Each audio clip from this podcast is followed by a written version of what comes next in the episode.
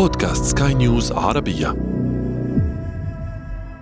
تربية الحرباء هو ممكن يكون شيء مخيف للبعض بس أنا بشوفه شيء مثير للاهتمام نظرا لأنه الحيوان يعني مش منتشر بس مش بكثرة. هي إلها هلأ كتير فائدة بأنها ممكن إنها تصيد الحشرات آه، كمان آه، وتخلصنا منهم آه، كمان بتقدر تغير جلدها حسب السطح اللي هي بتقف عليه فهذا بيعطيها جمالية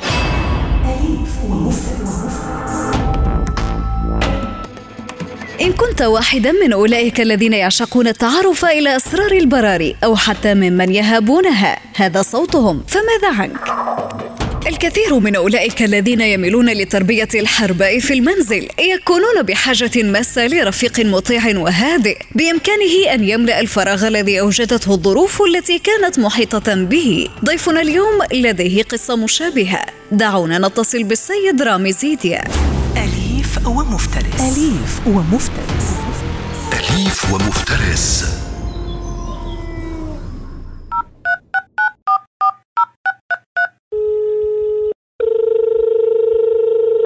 سيد رامي. نحن نعلم أن الحرباء يتلون جسمها دائما على حسب لون المحيط الذي تكون فيه ولكن ينقصنا الكثير من الأمور التي تدور حول هذا الحيوان الهادئ. أولها أن نفسية الحرباء عامل مهم في تلون شكلها ولكن بداية أخبرنا كيف بدأت قصتك معها. كانت تجربتي بالنسبة لل...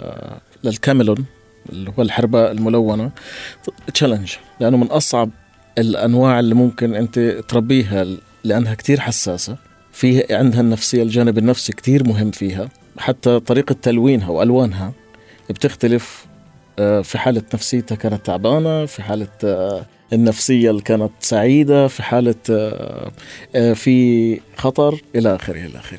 فبدت الحكاية إنه أنا عملت شوية research على على موضوع الحرباء إنه كيف ممكن ابدا في الموضوع. الحرباء لا يمكن تجيبيها من البر أو من حياتها البرية وتأسريها. الحرباء المستأنسة منها يعني المولودة في الأسر هي اللي بتقدر تربيها فقط. نعم هذه أول شغلة وهذا أول challenge كانت موجودة. فإنك تلاقي حرباء طبعا أنواع الحرباءات هون في العالم كتير. إحنا بنحكي عن أكثر من عشر أنواع. آه في عندك اليمنية اللي أنا كانت عندي اللي بيحكوا عنها المحجبة. آه، صاحبة القرن اللي كان لها لها قرن. والذكر بيكون أكبر شوية من الأنثى. الذكر ممكن يوصل 50 60 سنتيمتر. ألوانه زاهية طبعا. ال major color تاعه أو اللون الأساسي اللي فيه اللون الأخضر. بيروح على الفيروزي بيروح على مع شوية خطوط في الأصفر والبني والأخضر والأزرق كمان. فبس فبدت بدت المغامرة إنه أنا بدي آه، أعمل له بيت جوا شقة. فهذا كان تشالنج كبير لأنه في طريقتين لتربايته الحرباء هذه يا إما برا أو الدور وهو المفضل لأنه بيحتاج شمس وبيحتاج هواء.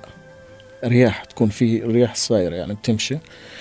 آه، الشمس محتاجة لأنه بده ياخذ اليو في منها عشان يعمل فيتامين دي يقدر يستخلص الفيتامين دي من الشمس والهواء عشان يقدر يشوف الحشرات.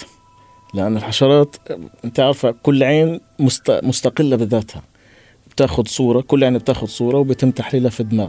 فمن خلالها بيقدر يحدد المسافة من خلالها بيقدر يحدد آه قصة قصة قصة, قصة. متعة متعة وتشالنج كتير كبير. لأنه أنت بتتعامل مع كائن حساس آه كائن انطوائي آه، صعب يعيش مع مع مع حرباء ثانية غير لو كان في وقت التزاوج. والحرباء بتبيض.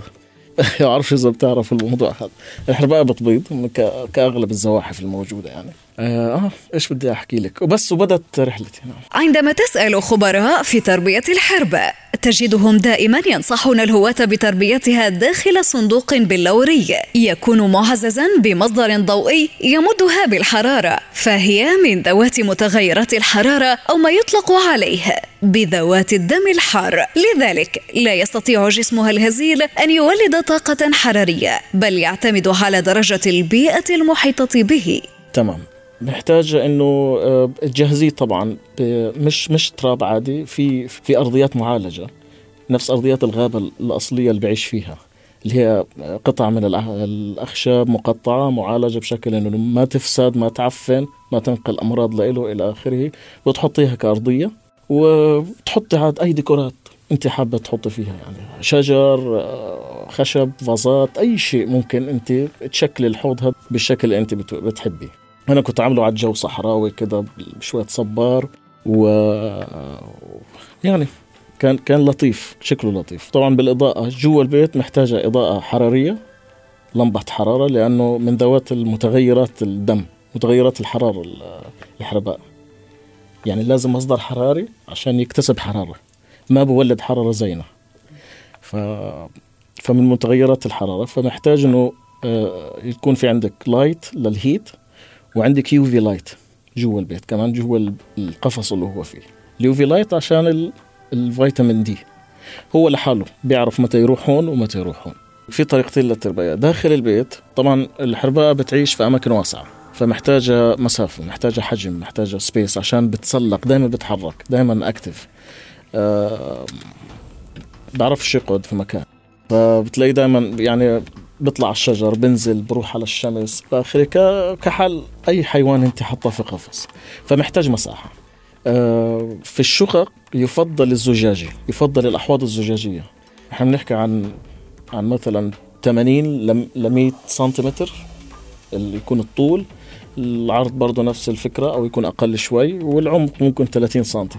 قفص كبير يعني يكون عشان تقدر تدخل فيها نباتات ديكورات مش لازم يكون نبات حي ممكن نبات بلاستيك عادي أو أي ديكورات تانية. ومن أولى القواعد التي لابد عليك أن تعلمها عند اتخاذك لقرار تربية الحرباء أنك لا يجب أن تجلب حرباء من الطبيعة لتربيتها في المنزل. ستصاب باكتئاب شديد حتى الموت. بإمكانك أن تقتني واحدة أخرى تربت في القفص منذ ولادتها وهنا تكون قد تعودت على الحياة في الأقفص طبعا الحرباء اللي كانت عندي آه، كانت كان ذكر من نوع المحجبة اللي حكيت لك إياها. هذا نوع موجود في اليمن أصلا يعني موجود في اليمن وجنوب السعودية فهو عربي. ومن أسهل الحرباءات إنك تقدر تربيها. مناعته عالية بتحمل حرارة آه، آه، بتأقلم على الأماكن ما ما في أي مشكلة. بس زي ما قلت لك لازم يكون كان في الأسر وأخذتيه على بيتك. أما أما يكون في البرية وتاخذيه حيموت. حيكتئب ومش حياكل وحيموت من الجوع وحيموت. لا تشرب الحرباء أبدا من المياه الراكدة. لذلك لا تتوقع منها أبدا أن تقبل إناء المياه الذي تخصصه لها. ستموت من العطش ولن تشرب منه. فهي تأخذ حاجتها فقط من المياه الجارية كالأنهار أو الندى. تستطيع إذا أن تضع المياه في بخاخ وتقوم بالرش على جدران الصندوق البلوري. وهنا سترغب بشربه ظنا منها أنه من الندى. في عندك مشكلة كمان أو في مشكلة في موضوع الحرباء إنه ما بيشرب من يعني ما فيك تحط لحرباء كاسة مي تحت ينزل يشرب منها. الحرباء بيشرب من مي جاري أو من ندى أو من الندى. نعم ما بيشرب أي مية راكدة أي شيء كثير عنده موضوع ال quality تاعت الماء المي هذا لازم تكون عالية كثير فيا بيشرب من نهر أو أي مي أي مي جاري أو يا إما الندى اللي بيكون على على الأوراق أو في القفص. فكل فترة فتره محتاجة أنت ترش القفص بماء عشان تقدري يقدر يشرب. أكله كان تشالنج كبير. فالأكل كان تحدي كبير لأنه بيأكل الدود بيأكل الدبان الحشرات الطائرة الحشرات المفصلية الجراد إيه، الحشرات بشكل عام الصراصير الصراصير الليلية الشغلات هذه يعني. بس هو كغذاء أساسي ممكن تعتمدي على الدود لأنه أنت ممكن تعملي في البيت بشكل اللي هي لا أنت فيك الدود الأفريقي اللي هو بيكون من مش من الكبار اللي هم اطافيلهم الصغار. هذا بيطلع في الخبز المعفن. هو بيعطوكي يعني وين ما بتاخذ أنت بتقتني الحرباء هذه بيعطوكي أكلها. challenge challenge آه أكمل لك. آه آه مش مش سهل. كتير صعب كتير حساس للفطريات. آه إذا ما إذا مش فيش تنظيف دائما أو تهوية للمكان آه بعفن. تطلع على الحراشف تاعته عفن. هذا مرض مش عارف شو اسمه صراحة بس له علاج. فمحتاجه تكون شوية ما بحتاجش vaccine هو هو أهم شيء هو ما بمرضش نادر جدا لما يمرض. بمرض فقط لما يكتئب لما ما يتزوجش في وقت التزوج. وقت التزوج بيبدأ عنده من يعني من الربيع لأول الصيف كذكر أو أنثى. في يعني تعرف ساعة بيولوجية داخله وهيك محتاج. فيعني هذا هذه الأمور. بس هو نادر لما يمرض يعني. طيب. من الإهمال الشديد ممكن ممكن بس اللي يمرض. أو مثلا في حالة كيف آه، حشرات مسممة أو حشرات كانت مرشوشة بكيماويات أو إشي زي هيك هذا ممكن آه, آه يعمل له تسمم وموته. بياخد هلأ كانوا زمان كانوا زمان يعتقدوا إنه بياكل الخضار. الورق الأخضر. بس العلم بيقول لك لا هو بياخد المية من الورق الأخضر وبيمضغه عشان ياخد المياه منه فقط.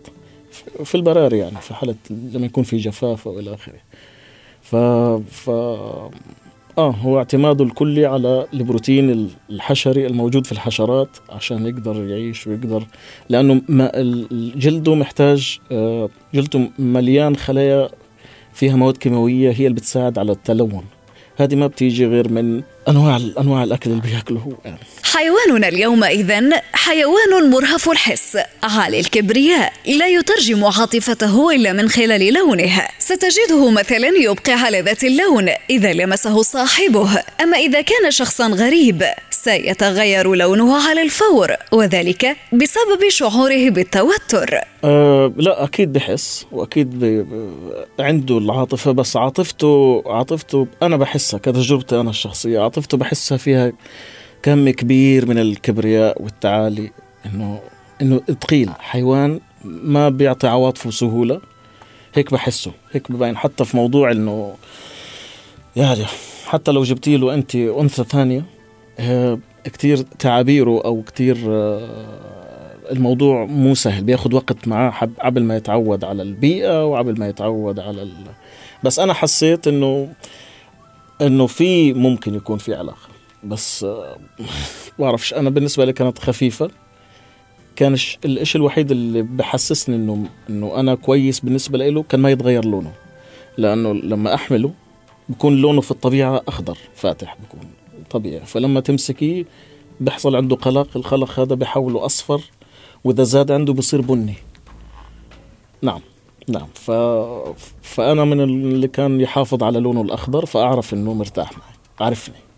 هذه هي الطريقة الوحيدة اللي أنا كنت أعرف فيها إنه بس لما ناس تانية تمسكه ولا إشي كان كان بني يصير يعني تحول مرة واحدة. نعم هذا اللي شفته طبعا. هو لا عنده صوت ولا عنده حركته بطيئة. بيشوف بس ما مش عارف إذا بيقدر يشوفني. وبشوف قدرة الرؤية الرؤية تاعته كتير عالية. يعني أضعاف أضعاف أضعاف كائنات كتيرة. أضعافنا طبعا كبشر. عنده طريقتين هو في الدفاع عن نفسه. بيفتح تمه عشان يبين شكله كبير فقط و... وعنده ديله. بحاول إنه يحرك ديله كتير. وعنده إيديه آه عنده هو خمس أصابع. ثلاثة مع بعض واثنين مع بعض. آه. كده. ف... ف... فلما يحس بالخطر وانت تمسكيه آه بضغط عليك شديد. يعني بتحس إنه مش عشان يتسلق هو بضغط عليك تهديد. إنه اتركني في حالي. يعني. بالنسبة لي كانت مريحة كانت كانت فقرة من اليوم عندي برتاح. فيها راحة يعني فيها يمكن هدوءها يمكن الرتم الحياة اللي إحنا صار ماشيين فيه السرعة هاي كلها محتاجة هدوء. بلاقيه في في الحرباية مثلا أو في نوع تاني من الحيوانات. يعني مثلا أنا كان كنت ربي سمك كمان. سمك مياه آه، مش مالحة مياه عادية يعني. فكان نوع من أنواع الاسترخاء إبطاء الزمن يعني. فهي هي آه هي من النوع من النوع اللي بتحس انه إنه مريح للأعصاب. يعني هي هو هي ترباية مريحة للأعصاب.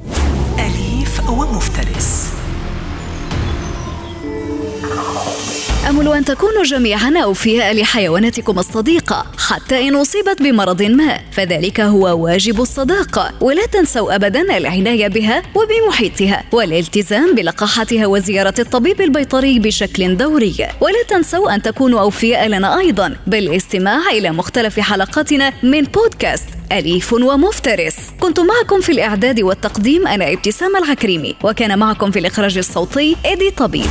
أليف أليف ومفترس. أليف ومفترس. أليف ومفترس.